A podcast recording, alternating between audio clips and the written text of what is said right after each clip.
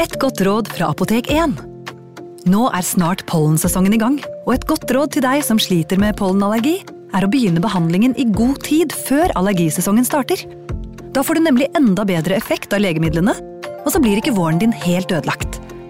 Kom innom og få råd på ditt nærmeste Apotek 1, eller chat med oss på apotek1.no. Apotek 1 vår kunnskap, din trygghet.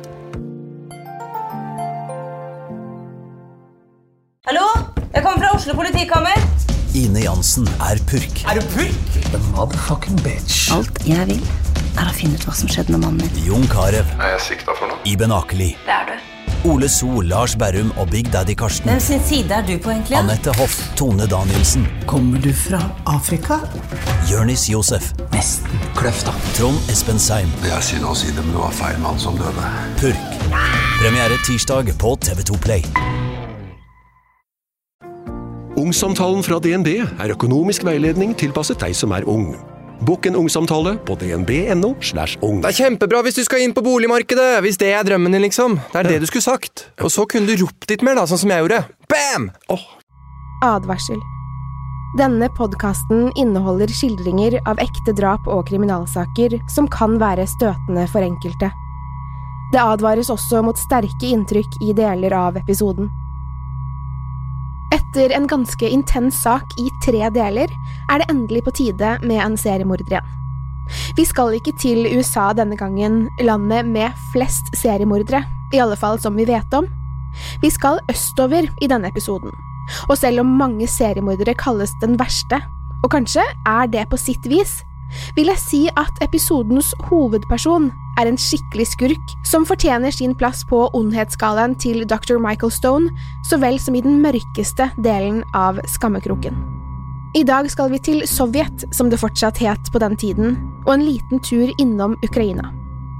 Andrej Chikatilo vokste opp med fattigdom, sult og krig, noe han mener er grunnen til at det gikk som det gikk. I tillegg til andre fysiske problemer mener Chikatilo at han ikke hadde skyld i handlingene sine. De fleste er uenige med han i akkurat det.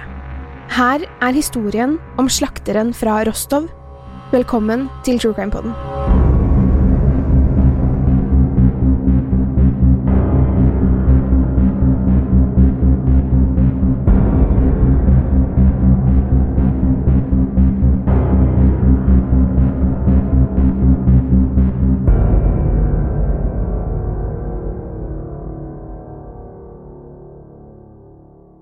På starten av 80-tallet i datidens Sovjet er flere politipatruljer kalt ut til et skogholt nær togsporene som går gjennom Rostov. En kvinne, ganske liten av vekst, ligger ille tilrett ved noen trær. Huden hennes er hvit som snø, ørene har fått en blålig farge, og kroppen er skåret opp flere steder. Det politimennene likevel biter seg mest merke i, er at kvinnens øyne er borte. De er skåret ut av øyehulen, tilsynelatende med en kniv som ikke kan ha vært veldig skarp.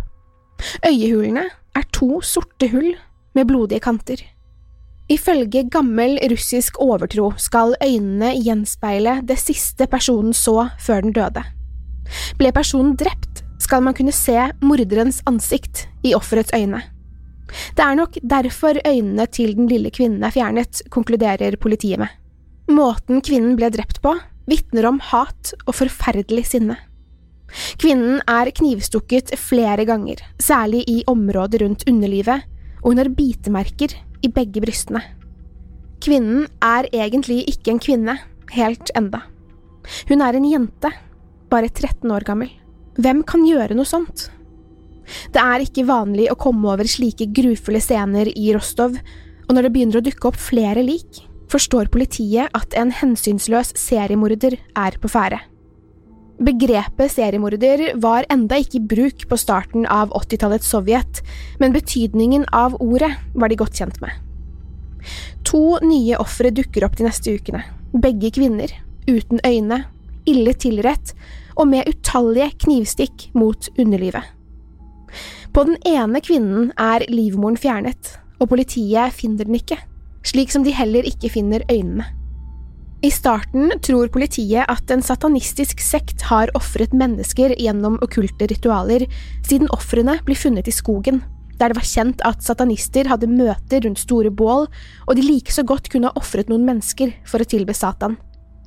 Det var kjent at de hadde ofret dyr tidligere, men flere i politiet var skeptiske til at de hadde endret metodene sine så drastisk.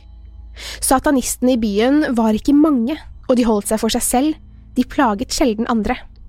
Selv om en av politimestrene, Rostov hadde nemlig flere i dette tidsrommet, mente at det å fjerne øynene fra offeret bare kunne ha en rituell betydning, ønsker de andre politimesterne å gå en annen vei i etterforskningen.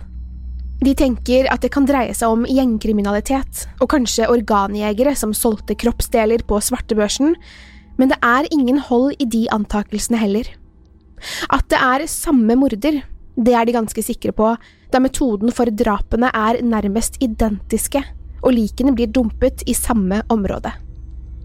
Mellom 1982 og 1983 dukker det opp 23 lik, drept på noenlunde samme måte.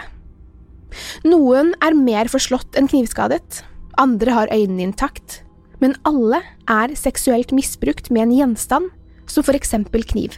Det blir også funnet sædrester på nesten alle ofre, som sannsynligvis betyr at drapene er seksuelt motivert, og at morderen lar seg opphisse av ofrenes smerte og skader. En sadist. Noe annet får politiet til å undre seg over hva slags person morderen er, for ofrene er ikke bare unge kvinner eller jenter, det er også gutter og unge menn som blir drept. Morderen har ikke noen spesifikk type offer, annet enn alderen. De må være unge. Politiet er helt sikre på at morderen har drept i lang tid før første offer, altså 13-åringen som ble funnet, for drapene er ganske metodisk utførte. Alle kroppene som ble funnet, var i relativt god stand, det vil si at de ikke var i langtkommen forråtnelse, de hadde dødd timer, eller kanskje en dag, før de ble funnet. Derfor kan det tyde på at morderen har mulighet til å drepe ofrene i ro og fred, uten å bekymre seg over å bli oppdaget eller sett. Skogsområdet rundt der likene ble funnet, undersøkes. Kanskje morderen er en enstøing som bor alene i en hytte? Søkene gir ingen resultater. Man antar også at morderen må være en person som blander seg inn i mengden, som får disse unge ofrene til å ville bli med han. Samtlige av de 23 som til nå var funnet, hadde vært gutter og jenter i de tidlige tenårene, fra Rostov, og likene var såpass ferske at skadene kunne dokumenteres nøye. Det ble tatt bilder av de unge drapsofrene, og rettsleger beskrev skadene omstendig i journalene. En av politimesterne som i senere tid lot seg intervjue om Rostov-drapene, sa at det verste med hele saken var å måtte se redselen i ansiktene til de unge menneskene som lå der i skogen ved togskinnene. De hadde hele livet foran seg, og politimesteren fortalte at han gråt hver kveld i flere år mens saken pågikk. Han var selv far til to da morderen sto på som verst, og da intervjuet med han ble gjort, var han bestefar. Det var så forferdelig, sa han å se unge mennesker ligge i skogen, dumpet som søppel med buken sprettet opp og bitemerker over hele kroppen. Brystene på jentene var skåret vekk. Noen av dem forsøkt fjernet med tennene. Var han en kannibal, spør politimesteren seg, og tørker en tåre som renner nedover kinnet hans. Det var jo det politiet begynte å tenke, på grunn av alle bitemerkene på kroppene. Noen av bitemerkene var påført ofrene mens de var i live, andre etter at døden hadde inntruffet. De undret seg over hva som hadde skjedd med øynene og livmorene. Hadde han spist dem? Politiet jobber med en teori om at morderen brukte byens togforbindelse ofte, og at han følte seg komfortabel i området rundt den middels store togstasjonen ofrene ble funnet ved.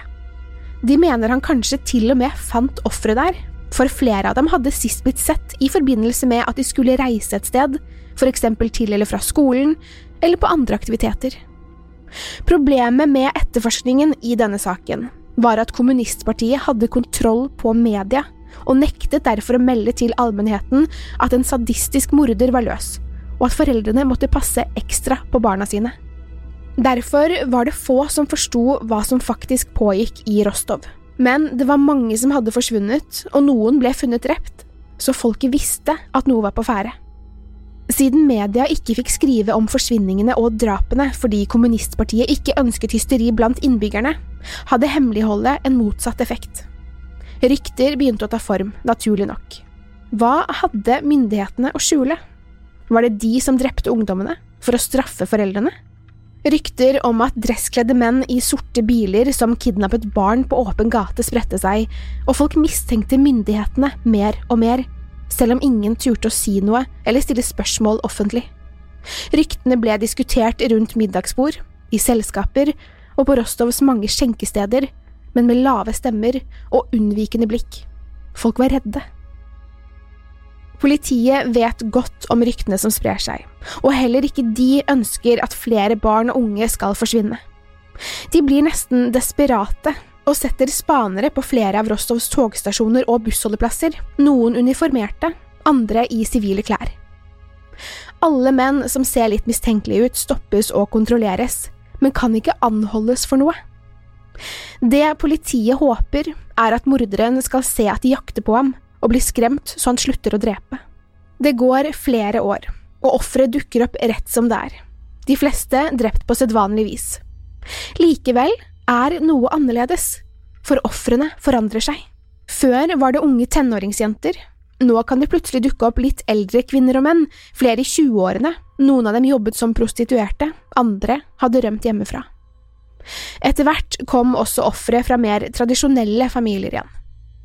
Politiet fortsetter å fokusere på togstasjoner og bussholdeplasser, de sjekker nesten alle drosjesjåfører de kommer over, og strategien deres synes å fungere.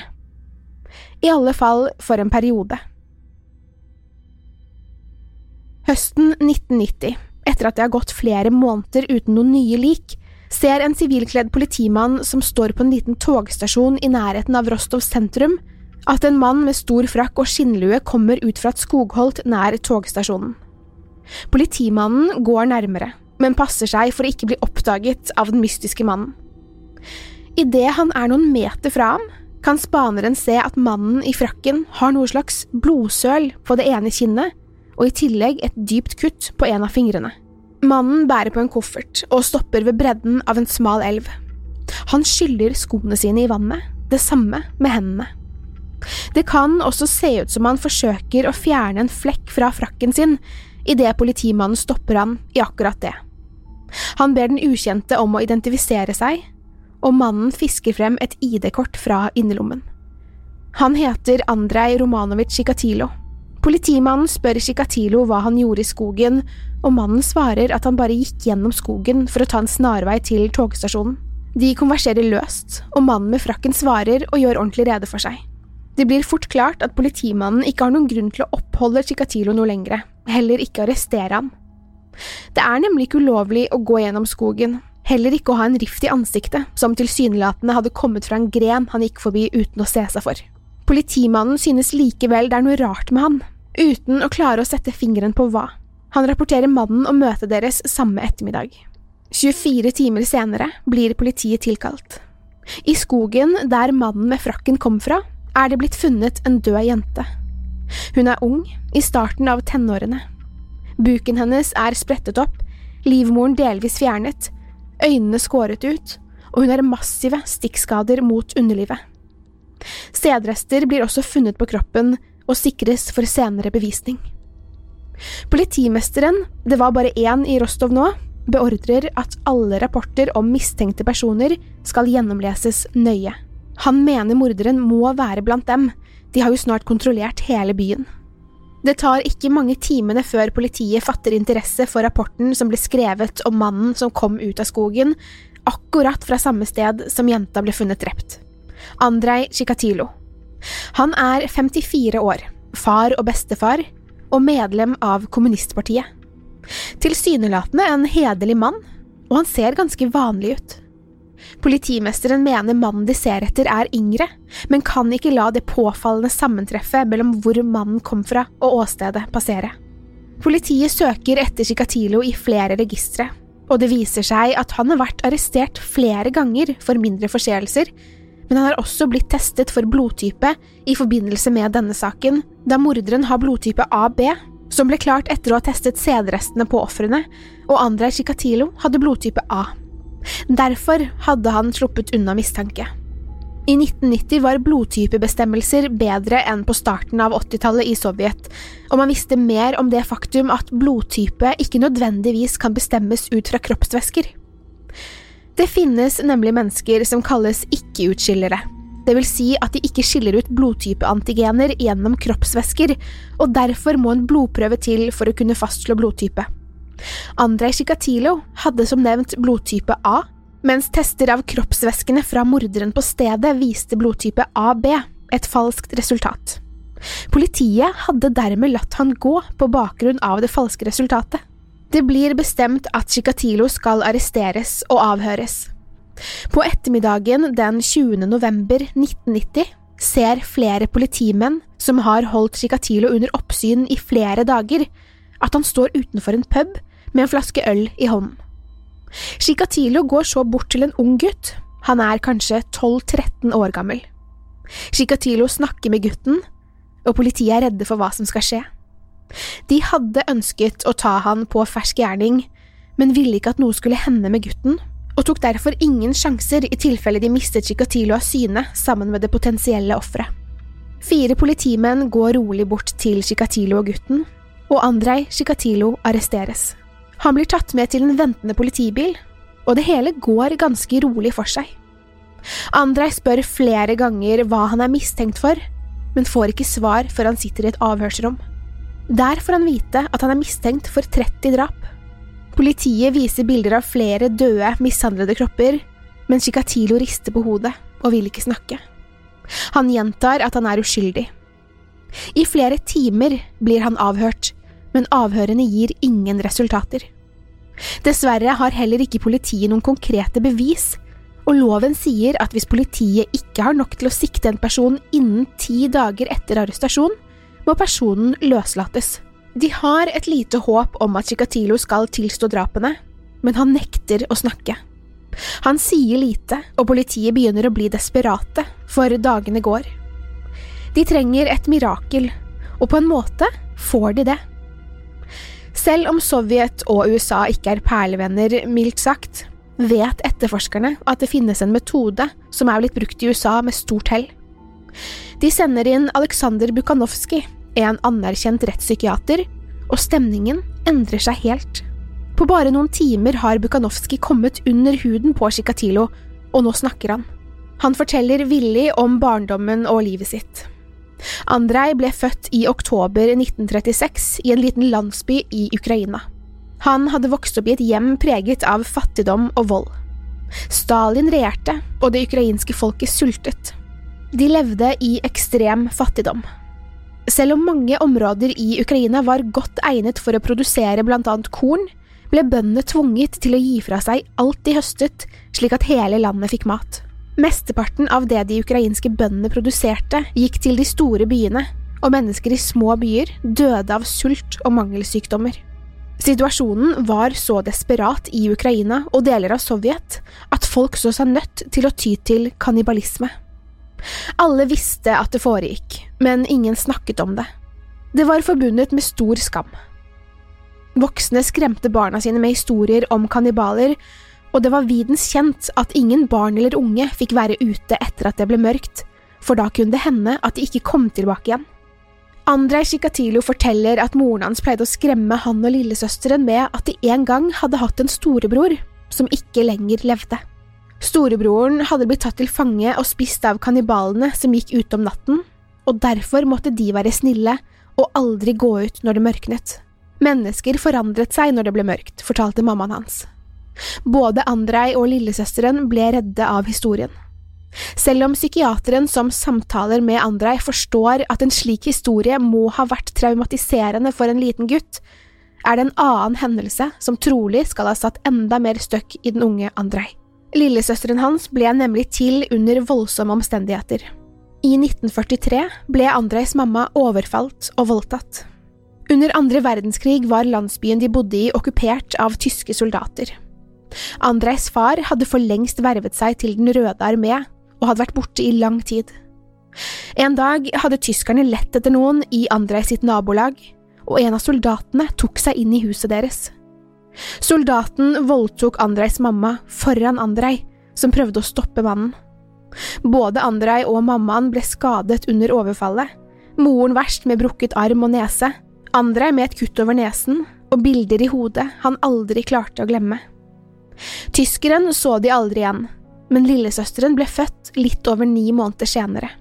Det gikk rykter i byen om at mammaen hadde hatt en affære, for mannen hennes hadde vært borte i halvannet år. Andrej og mammaen hans lover hverandre at de aldri skal snakke om det som skjedde dem da soldaten kom. Et år senere får de vite at faren er tatt til fange av tyskerne og satt i fangeleir.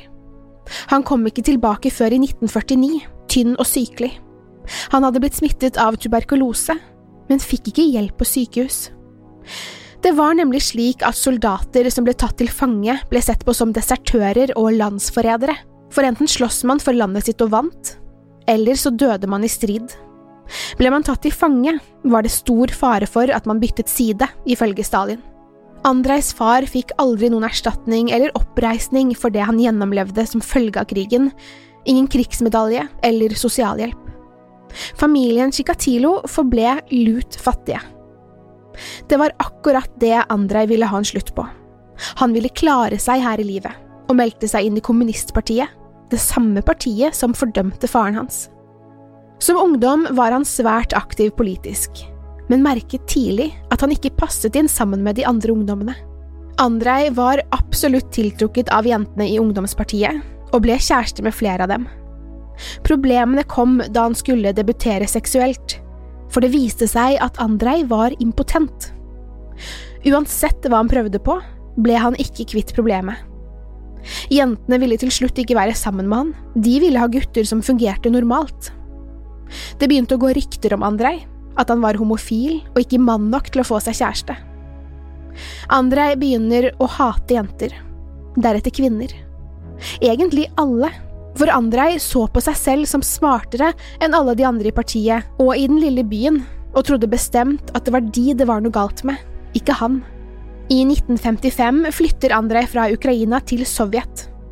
Han søker seg til universitetet i Moskva, men stryker på opptakseksamen. Derfor begynner han på et annet universitet og tar utdannelse der. Han er meget stolt over egen prestasjon, og ser på seg selv som smartere og bedre enn alle. Da Shikatilo er 28 år gammel, i 1963, gifter han seg med en kvinne lillesøsteren har introdusert ham for.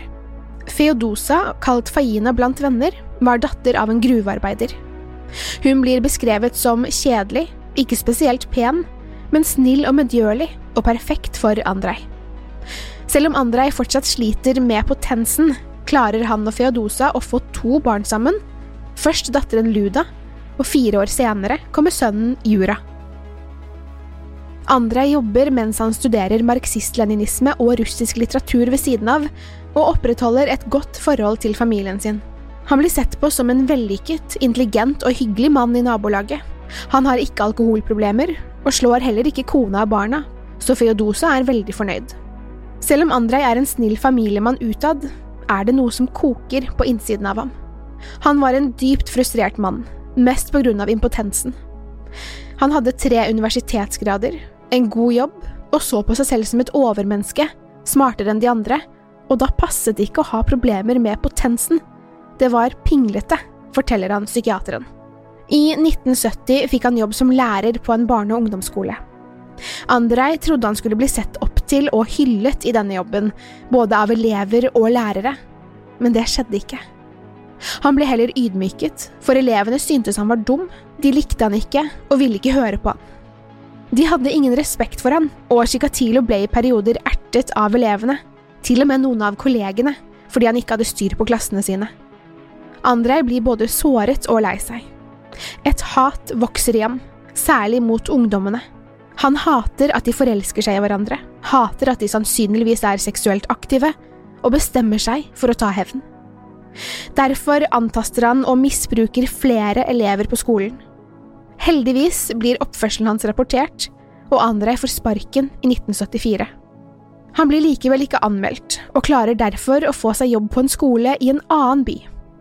Kona tilgir ham, og tror hele situasjonen var en misforståelse. For å kunne ta den nye jobben var familien Chikatilo nødt til å flytte. Jobben er i Rostov, og de finner en passe stor leilighet i utkanten av byen. Det kona Feodosa ikke vet, er at Andrej skaffer seg en liten hytte som ligger i et annet, litt nedslitt nabolag, en bit unna der han og familien bor. Andrej har store planer med det nye huset. Det ligger litt fra de andre, er innerst i en blindvei og har nær tilknytning til skogen. Perfekt, tenker han. I desember 1978 forsvinner en ni år gammel jente. Hun heter Jolena Sakotnova, kalt Lena av mamma og pappa. Lena står og venter ved en bussholdeplass da Andrej oppsøker henne. Han tilbyr henne noe hun bare har smakt en gang før, nemlig tyggegummi. Det er hennes favorittgodteri, og Lena lover å bli med mannen hvis hun får en bit. Andrej tar Lena med seg til huset. Han skader henne, misbruker henne, og forstår straks at han kan få seksuell nytelse av at andre har vondt. Ni år gamle Lena er Chikatilos første offer. Han dumper henne i elven som renner gjennom skogen, og liket blir snart funnet av forbipasserende. En lokal voldtektsmann som nettopp er sluppet ut fra fengsel, arresteres for mordet. Mannen, som er 25 år gammel, hevder hardnakket at han ikke var i nærheten av åstedet den dagen Lena ble drept, men ingen tror ham. Mannen siktes, dømmes og henrettes for drapet på Lena, og Andrej kan puste lettet ut. Det gikk to år før han drepte igjen, for Andrej var redd for å bli tatt. Han sa opp jobben og tok seg en ny jobb som reisende selger, og prøver å lokke med seg unge tenåringer, både gutter og jenter, til å bli med han inn i skogen hvis han ikke er hjemme i Rostov. Mange blir med ham, og Andrej blir mer og mer opphisset av andres dødsangst, og verdsetter særlig dødstidspunktet. Han elsker at ofrene har det vondt. Han biter dem mens de skriker høyt, selv om ingen kan høre dem. Motivet for drapene er sex og makt, og Andrej ser på det han gjør som hevn for alle årene han selv har måttet lide.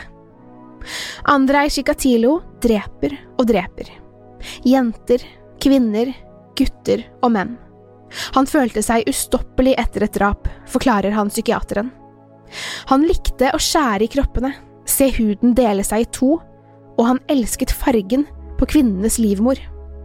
Den var så rosa og fin, sa han. Andrej innrømmer aldri å ha spist noen av ofrene, men han innrømmer å ha forgrepet seg på ofrene seksuelt etter at døden hadde inntruffet. På denne tiden, gjennom nesten hele 80-tallet, da Andrej drepte de fleste ofrene sine, kommer psykiater Bukhanovskij inn i bildet. Politiet ønsket nemlig at han skulle lage en gjerningsmannsprofil, slik at de visste hvem de skulle se etter. Bukhanovskij bruker flere måneder på å lage profilen, ved å undersøke alle ofrene man trodde var drept av slakteren fra Rostov, som han ble kalt. Profilen var skremmende lik den virkelige morderen. Usosial, mentalt ustabil, merkelige seksuelle preferanser, kan bo alene eller ha en medgjørlig kone som ikke stiller spørsmål, et komplisert, ikke-seksuelt forhold til sin kone, mellom 40 og 50 år, fikk tidlig seksuelle problemer, ereksjonsproblemer og vonde følelser knyttet til sex, en sadist som fikk nytelse av andres dødsangst, skader og død.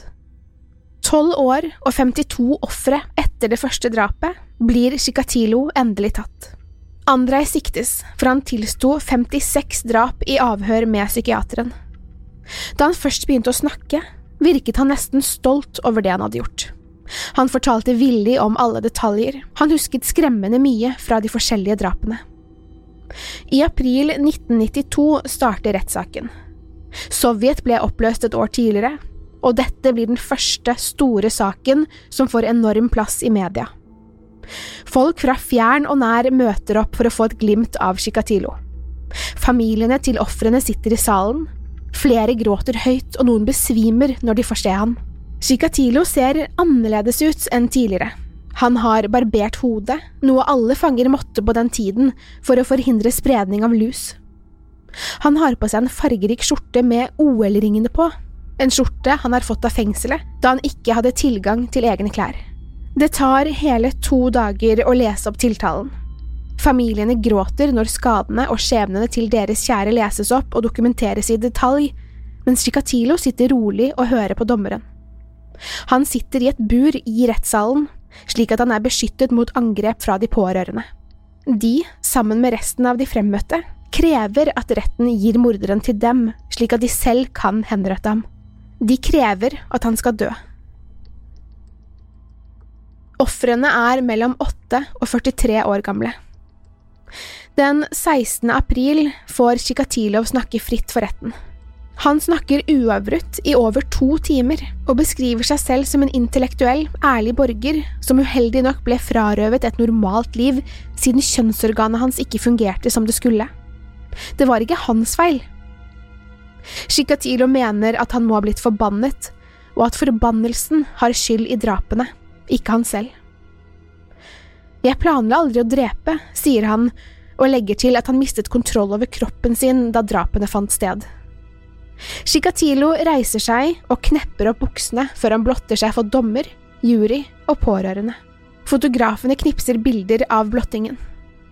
Retten mener han prøver å fremstå psykisk syk med vilje for å slippe straff, men flere psykiatere som har evaluert ham, deriblant Bukhanovskij, mener at han er fullstendig tilregnelig og visste meget godt hva han gjorde da han drepte ofrene sine. Rettssaken varer i seks måneder.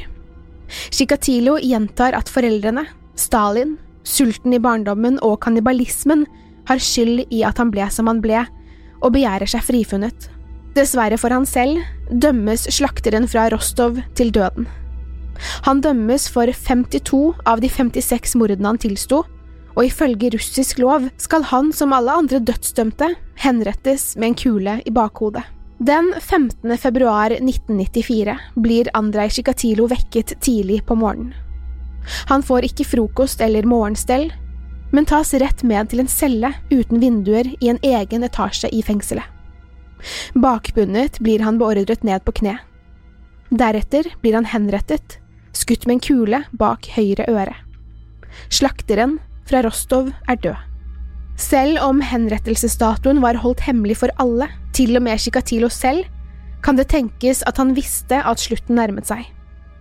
Det kan også tenkes at han uttrykte skyld for noe Chikatilo skrev kort tid før henrettelsen, hinter til hans voldelige og sadistiske natur, samtidig som teksten for noen kanskje uttrykker selvhat. Han skriver Snart skal hjernen min plukkes fra hverandre, bit etter bit, og deretter undersøkes slik at det aldri kommer flere sånne som meg. Det finnes litt forskjellig info i denne saken, blant annet hvem Chikatilos første offer faktisk var, og datoen han ble henrettet på, var det den 14., 15. eller 16. februar for eksempel. Derfor har jeg valgt å bruke datoene og opplysningene som flest av kildene oppgir, og tar forbehold om eventuelle feil i forbindelse med akkurat disse punktene. Vi forlater Rostov og det gamle Sovjet for denne gangen. Vi takker for alle hyggelige tilbakemeldinger, og er tilbake om en uke med ny historie. True Crime Podden er produsert av moderne media. Mitt navn er Pernille Tufte Radeid, og jeg vil takke Håkon Bråten for produksjon, lyd og musikk. Dersom du liker denne podkasten, gi oss gjerne fem stjerner i iTunes. Til neste gang, pass på deg selv, og takk for at du har hørt på True Crime Poden.